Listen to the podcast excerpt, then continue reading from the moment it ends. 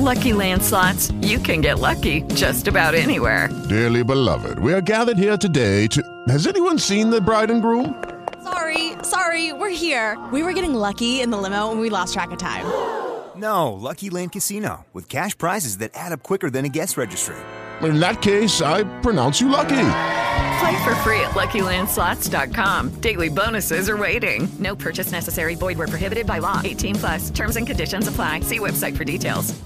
Montaigne'in Denemeler kitabı. Herhalde okullarda en sık okunması istenen, herkesin öve öve bitiremediği klasik kitaplardan biridir. Ben bir türlü baştan sona okuyamamıştım. Sadece birkaç yazıya hakimdim o kadar. Ve artık yeter diyerek aldım kitabı elime ve iki günde bitirdim. Gerçekten kafa açan, ufuk genişleten kitaplardan bir tanesi. Ama kitaba geçmeden Montaigne hakkında da konuşmamız lazım. Montaigne zengin bir ailenin çocuğu. Hayatı boyunca hiç çalışmadan yaşayabilirdi ki yaşadı da. Hayatının bir bölümünü babasından kalan malikanede yazarak ve okuyarak geçirdi. Hayat, bilgi, tanrı üzerine düşünmeye vakti ve eğitimi vardı. Montaigne'in böyle bir düşünür olması tesadüf değildi. Hatta şartlar fazlasıyla uygundu bunun için. Katı ama iyi bir eğitimden geçti. Ama bütün bunların dışında Montaigne tam bir kadın düşmanıydı. Ya tam kadın düşmanı denemez aslında. Düşman olabilmesi için kadınların varlığını kabul etmesi lazım. Kadın onun için yok bir şeydi. Yani bahsetmeye bile değmezdi. Kitabını okursanız kitabında da her daim erkeklere seslendiğini fark edersiniz. Yani kadınların bu kitabı okuma ihtimali olduğunu bile düşünmemiş bence. Kitapta birkaç yerde de bir durumun ne kadar aşağılık olduğunu anlatmak için kadın gibi benzetmesini kullanmış. Montaigne kadar sömürgeciliğe karşı olan Avrupalıların coğrafi keşifler adı altında gittiği topraklardaki insanları köleleştirmesine ve onlara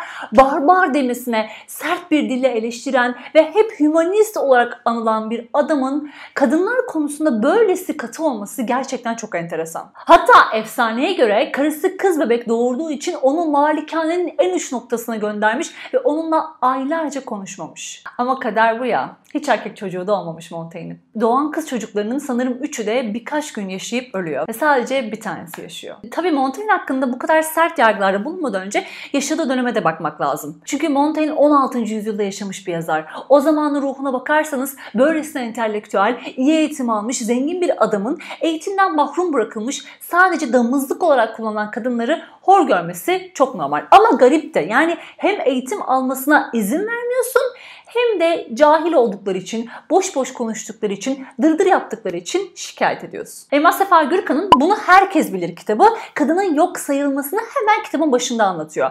Mesela Osmanlı entelektüelleri yeri geldiğinde çok rahat bir şekilde eşcinsellikten bahsedebilirken garip bir şekilde kadınlardan hiç bahsetmemektedir. Yani ciddi anlamda bir yok sayma var. Ha, bu durum yüzünden birçok Osmanlı padişahının annesinin ismi hala bilinmiyor. Çünkü damızlık olanın adının bilinmesine gerek yok. Sadece babayı tanısak bize yeter. Şu an Osmanlı'daki Hürrem Sultan, Kösem Sultan, Safiye Sultan hakkında bir şeyler biliyorsak Avrupalı tarihçiler, seyyahlar ve elçiler sayesinde. Yani gerçekten kadının adı yok. Ama Montaigne'in kadın düşmanlığını iki dakikalığına hoş görüp bize kattıklarıyla devam edelim.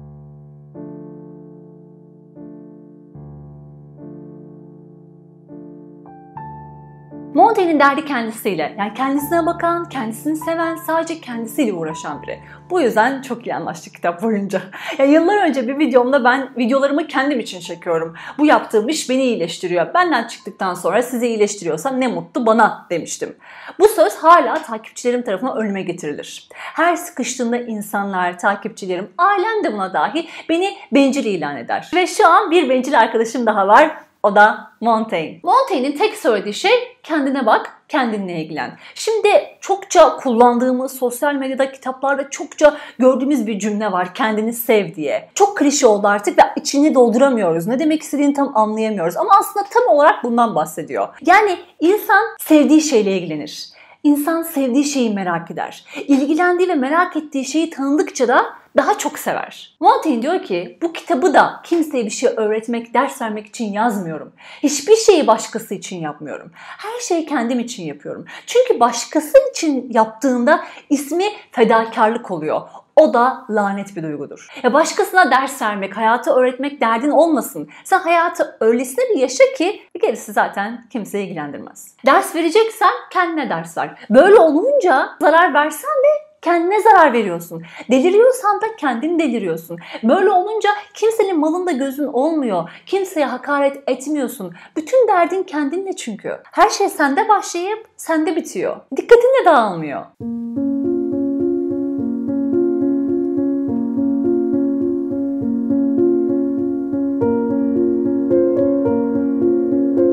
Montaigne kiliseye ve papazlara karşı söylemleriyle de zamanında ve şu anda da birçok kişi etkilemiştir. Yani söyledikleriyle beni de çok etkiledi. Ya mesela Kur'an, İncil, Tevrat ya da kutsal gördüğünüz herhangi bir yazıt.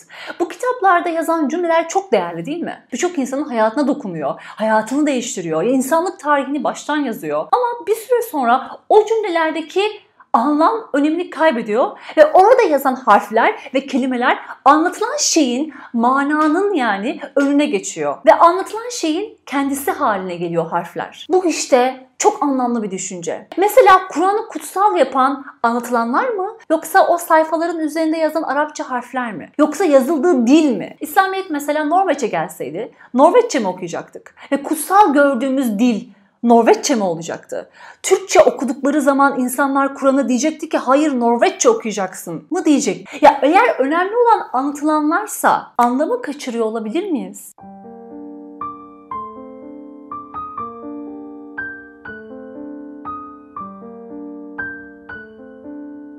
Ve kitabın bomba cümlesi. Ayrı ayrı bakınca değer vermediğimiz kimselere bir araya geldikleri zaman değer vermekten daha büyük bir budalalık var mı? Bu soru o kadar değerli bir soru ki her tarafa çekebilirsiniz. Mesela herkesin verdiği oy bir mi gerçekten? Tek başına olsa karşına alıp konuşmayacağın, ne söyleyeceğini merak etmediğin, insanlar kalabalıkları oluşturunca neden değerli olur? Bunu tartışacak cesareti olan var mı bu ülkede? Evet evet, yıllar önce Aysun Kayıcı'nın söylediği sözü hatırlatıyorum. Dağdaki çobanla benim oyum bir mi demişti. Çoban mesleğine takılma ama sence herkesin oyu bir mi gerçekten? Ya da herkesin düşüncesini gerçekten merak ediyor muyuz? Bu soru aslında sosyal medya ile daha da gündemimize oturdu. Her şey Facebook'un ne düşünüyorsun sorusunu sormasıyla başladı ve hayatlarımız gerçekten kökten değişti. Sordu. Sana sordu, bana sordu, amcaya, teyzeye, zengine, fakire, doktora, mühendise, bilene, bilmeyene herkese sordu bu soruyu. Ve biz ne zannettik biliyor musun? Gerçekten düşüncelerim önemli. Ve ben düşüncelerimi fütursuzca paylaşabilirim. Çünkü Facebook bana ilham veren düşüncelerini ya da güzel düşüncelerini paylaş demiyor ki. Yekten ne düşünüyorsun diyor. Ben her gün, her gün bu soruyu ekranımda gördükçe dedim ki benim düşüncelerim paylaşmaya değer. Peki ya gerçekten düşüncelerin değerli miydi? Yararlı mıydı? Herkes gerçekten özgürce düşüncesini söyleyebilmeli mi? Birisinin ölmesi gerektiğini düşünüyorsan o kişinin bunu hak edip hak etmediği önemli değil. Bunu özgürce söylemeli misin gerçekten? Ve insanlar bunu gerçekten merak ediyor mu? Şibim'in romanını hatırlayacaksınız. Onunla ilgili video da yapmıştım. O romanda en korkunç şeyin halk olduğunu söyler. Ve şöyle anlatır. Onların başları yoktur ama elleri ve kolları vardır. Seni zekalarıyla değil o kollarıyla aşağı çekerler. Buna gerçekten katılıyorum. Kalabalıklar doğru düşünemezler. Her kafadan bir ses çıkar ama kimse kimseyi duymaz ve herkes hep bir ağızdan konuştuğu için sonuç olarak herkes sadece kendi söylediğini duyar. Bu arada kalabalıkların psikolojik açıdan da çok enteresan bir örneği var. Mutlaka internette karşınıza çıkmıştır bu hikaye. 1964 yılında New York Queens'in en kalabalık caddelerinden birinde bir kadın herkesin gözünün önünde öldürülüyor. Bu cinayet burada bir kurşun olmuyor. 35 dakika sürüyor. İşkenceli, bol çığlıklı bir cinayet. Yani fark edilmemesi, görülmemesi imkansız. Ne cinayet işlenirken ne sonrasında polise kimse ihbarda bulunmuyor. 38 tane komşusu olayı kendi dairelerinden seyretmiş ama kimse polisi aramamış. Bunun sebebi üzerine çok çok konuşuluyor, çokça tartışılıyor. Ben de internette insanların neler yazdıklarına baktım. Ve çoğunluk şunu söylemiş işte şehir insanı o kadar soğuk ki modern insan artık çok duyarsız. Ama hayır sebep bu değil. İnsanların polisten korkmaları ve başlarını belaya sokmak istememeleri de sebep değil. Bu kadına kimse yardım etmedi çünkü etrafta çok fazla yardım edecek insan varsa her bireyin kişisel sorumluluğu azalıyor. Yani diyor ki herkes, ya biri mutlaka polis arayıp haber vermiştir herhalde. Ama herkes böyle düşündüğü için hiç kimse bir şey yapmıyor. Eğer daha ıssız bir sokakta kadının başına böyle bir şey gelmiş olsaydı muhtemelen yardım edeni daha çok olacak ve hayatı da kurtulacaktı. Kalabalıkların psikolojileri de tehlikelidir. Yanımızda bir kişi bile varken yalnızken davrandığımızdan daha farklı davranırız. Normalde yardım edeceğimiz birine yanımızda biri varken etmeyebiliriz. Kalabalıklar içinde ne düşündüğümüzü, ne hissettiğimizi, kim olduğumuzu bilemeyiz. Çünkü kalabalık bizim yerimize kim olduğumuza karar verir. Fark ederseniz genelde böyle siyasi örgütlere insanlar daha ergen ve genç yaşlarındayken katılırlar. Siyasi örgüt üyeleri genelde 18-25 yaş arası gençlerdir. Neden? Çünkü o yaşlarda hayat çok ağırdır. Ne düşündüklerini, neyin doğru olduklarını bilmiyorlardır. Bu sebepten kendilerini bir siyasi örgüte atarlar. Kalabalık ne düşünüyorsa o da onu düşünür. Bir yaştan sonra da karakteri oturdukça da kopar siyasi örgütten. Çünkü artık kendi düşünceleri vardır ve kalabalığa ihtiyacı yoktur. Bunu her zaman söylerim. Sosyal medyadaki takipçiler en emperyalist patrondan bile daha acımasızdır. Bu arada gerçekten sizi tenzih ediyorum. Yani biz burada özel bir şey yakaladık. İyi insanlar mıyız bilmiyorum ama iyi olma çabasındayız ve ben bundan eminim. Umarım bu yakaladığımız duyguyu da hiçbir zaman kaybetmeyiz. Ama özellikle milyon takipçili hesapların kitlesine baktığınızda sadece almak istediğini görüyorsunuz. Güldürüyor musun? Sürekli güldürmelisin. Ve para kazanan bir şey yapmamalısın. Bir şeyler mi öğretiyorsun? Sadece öğretmelisin. Bir reklam aldığında Allah senin belanı versin. Ya da sen çok değiştin. Dünyada hiçbir patron bunu yapmaz emin olun. Ne zannediyoruz biliyor musunuz takipçi olarak? Biz o kişinin sahibiyiz. Yani beni sizler yarattınız. Siz olmasaydınız buralara gelemezdim. Cümlesi kalabalığa söylenmemesi gereken bir cümle. Çünkü inanıyoruz. Ve senin patronun değil direkt sahibin ilan ediyoruz kendimizi. Aynı parfüm filmindeki o meşhur sahne gibi.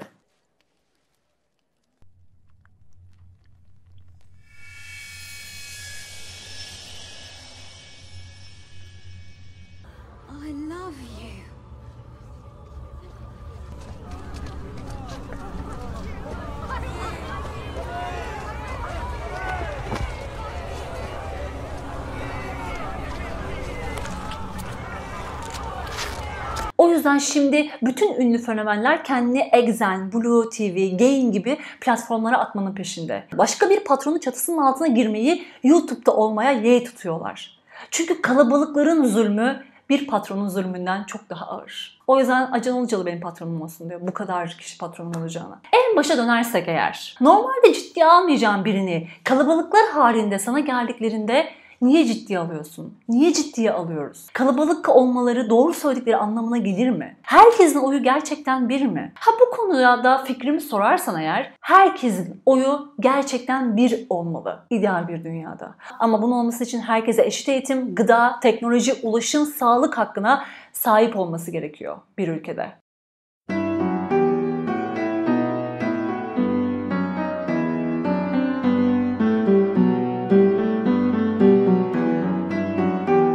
Of, kitabın en ters köşe, en beyin yakan bölümüne geldik. Biliyorsunuz bir din insanıyla yüzleşme yapmak en büyük hayalim. Bugüne kadar sizin önerdiğiniz iki insana mail attım ama ikisi de geri dönmedi. Ama onlara Montaigne'e soracak çok güzel bir sorumuz var. Ben ölümlü bir varlığım değil mi? Yani beni parayla, yakışıklı erkeklerle, lüks şaşa ile çok rahat cezbedebilirsin. Çünkü sınırlı bir vaktimin olduğunu biliyorum. Ama öbür dünya dediğimiz, sonsuz hayat diye bildiğimiz yer için aynı şeyleri vaat edersen bir sıkıntı ortaya çıkıyor. Örneğin Neb suresi 31. ayet Türkçe meali diyor ki şüphesiz takva sahipleri için umulanı buldukları yer, bahçeler, üzüm bağları, göğüsleri tomurcuk gibi kabarmış yaşıt kızlar, içki dolu kaseler vardır. Memeleri yeni tomurcuklanmış kızın yaşını hiç merak etmiyorum. İçki dolu kaselerde neler olduğunu da hiç sormuyorum. Ama bütün bunlara sahip olsam gerçekten mutlu olur muyum? Çünkü dünyada şu anda bunu yaşayan, bütün bunlara sahip olan insanlar var. Onlar o zaman şu anda cennette mi? Ya da gerçekten mutlu mu? Ya da ben mesela göğüsleri yeni tomurcuklanmış kız sevmem. Ben alkol de sevmem. Bütün bunların dışında bu vaatler ölümlü bir insan için çok güzel vaatler ve cezbedici. Ama ölümsüz bir insandan bahsediyoruz artık. Onun hayalleri, istekleri, ihtiyaçları nedir biliyor muyuz? Ben ölümsüz olsam nasıl biri olurum bilmiyorum. Ama şu anki Başak olmayacağım biliyorum. Çünkü artık varoluş sancıları çekmeyeceğim. Yani öbür dünyada ben hiç değişmeyecek miyim? Bir kere zaman yok orada. Zaman kavramı artık yok. Bunu düşünebiliyor musun? Ben hayal bile edemiyorum. Yani algının ne kadar genişleyeceğini tahmin edebiliyor musun? Çok zor etmesi. O zaman bizi orada ne beklediğini nasıl bilebiliriz? Bu vaatler beni orada tatmin eder mi?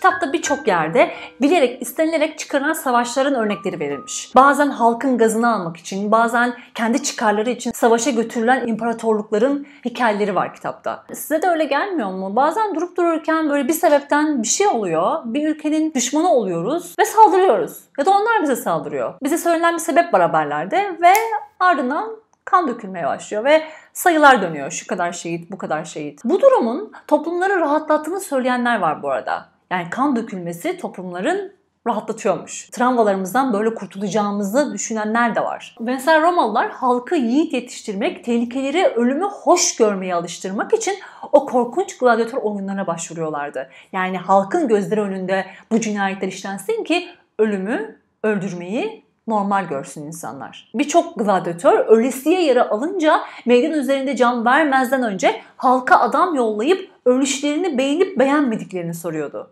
Durmadan savaşıp ölmeleri yetmiyor. Bu işi bir de sevinçle yapmaları gerekiyordu. Bu iş için kendilerini satan özgür yurttaşlar, sanatörler, Romalı şövalyeler hatta kadınlar bile oldu. Çok şaşırdım. İnanmazdım buna. Eğer zamanımızdaki savaşlarda binlerce yabancı insanın kendilerini hiç ilgilendirmeyen bir kavga uğruna kanlarını, canlarını sattıklarını görmeseydim. Bu yazı aklıma direkt Çanakkale'de can veren Anzaklara getirdi. Ve tabii ki Kore'de şehit olan Türk askerleri. Biz de şimdi neşeyle olmasa da askerlerimizin korkusuzca ölmesini beklemiyor muyuz? Ve neden diye sorulmasına asla izin verilmiyor. Bir genç şöyle dese ya ben bu konu beni ilgilendirmiyor. Ben genç, kendi halinde sadece eğlenmek isteyen, belki sabahlara kadar sevişmek isteyen bir insanım. Boş beleşin tekiyim ben belki. Deme hakkı yok. Maalesef bu mümkün değil. Çünkü ölmek sevişmekten daha kutsal.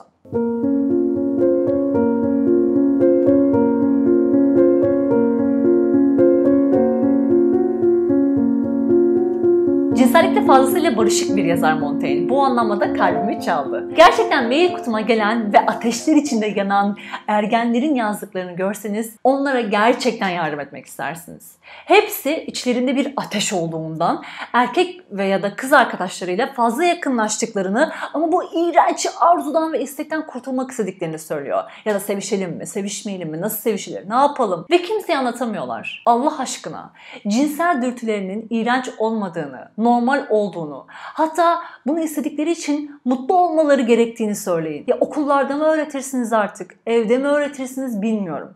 Ya erkek penisini, kadın vulvasını görsünler. Nasıl korunacaklarını öğrensinler. Çünkü içlerinde bir yanan bir ateş var ve onun neye hikmet olduğunu bilmiyorlar. İstemiyorlarsa sevişmek, bekleyeceklerse bunu nasıl yapmaları gerektiğini anlatın. Ya yazıktır, günahtır ya.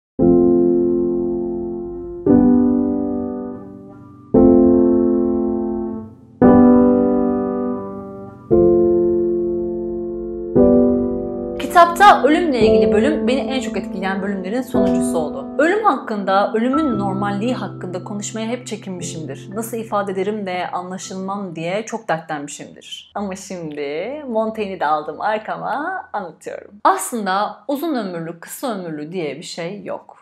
Bunu biz yaşayan halimizle ve algıladığımız zaman kavramıyla söylüyoruz. Deriz ki işte çok uzun yaşadı, iyi yaşadı ya da kısa yaşadı deriz. Ama aslında ölen için 6 yaşında bir çocuk bile olsa onun için aslında mevzu kapanmıştır. Mevzu bizim için burada devam ediyordur. Genç yaşta ölmek çok ağır bir şeydir ama ölene değil, yaşayanadır ağırlığı. Çocuğunu kaybeden insanlarla tanıştım ve hep şunu söylediler. Onun iyi olduğunu, mutlu olduğunu biliyorum. Ve Allah beni böyle sınıyor. Evet ölen için defter kapandı ama onun ölümü senin sınavın olmaya devam ediyor. Ömrü bir gün olan böceklerden bahsetmiş kitapta. Akşam ölen sabah ölenden daha mı şanslı, daha mı ihtiyar diye sormuş. Ve hepimizin iyi kalbimizle umduğumuz ne var? Doğal ölüm. Yani yaşlanalım ve yaşlılıktan ölelim. Herkes böyle ölse keşke. Değil mi? Geçen arkadaşım babaannesi vefat etti. Neden vefat etti dedim. Yaşlıydı zaten Başak ya uykusunda öldü dedi. Bu var ya o kadar az rastlanan bir ölüm şekli ki. Yani piyangonun size vurması kadar imkansıza yakın bir şey. Çünkü bundan öte başka bir ölüm şekli yok. Asıl normal olan boğularak ölmen, araba çarpması, kalp krizi, kanser. Ya dünyada insanlar neden ölüyorsa artık. Yani dünyadaki her ölüm şekli normal. Her gün bir hayatta kalma savaşı veriyorsun aslında. Sağ kaldığın için de şanslısın. Kitapta şöyle bir söz var. Çok hoşuma gitti. Bir tek hastalığın devası değil, bütün dertlere devadır ölüm.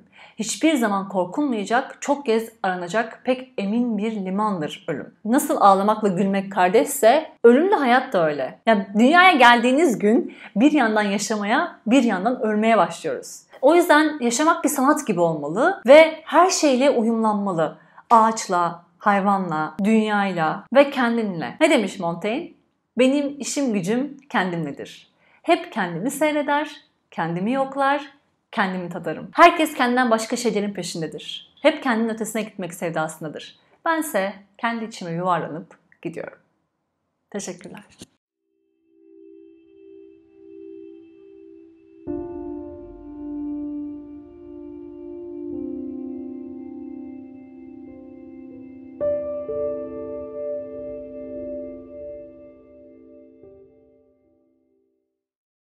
With the Lucky Land slots, you can get lucky just about anywhere. This is your captain speaking. Uh, we've got clear runway and the weather's fine, but we're just going to circle up here a while and uh, get lucky. No, no, nothing like that. It's just these cash prizes add up quick. So I suggest you sit back, keep your tray table upright, and start getting lucky. Play for free at LuckyLandSlots.com. Are you feeling lucky? No purchase necessary. Void where prohibited by law. 18 plus terms and conditions apply. See website for details.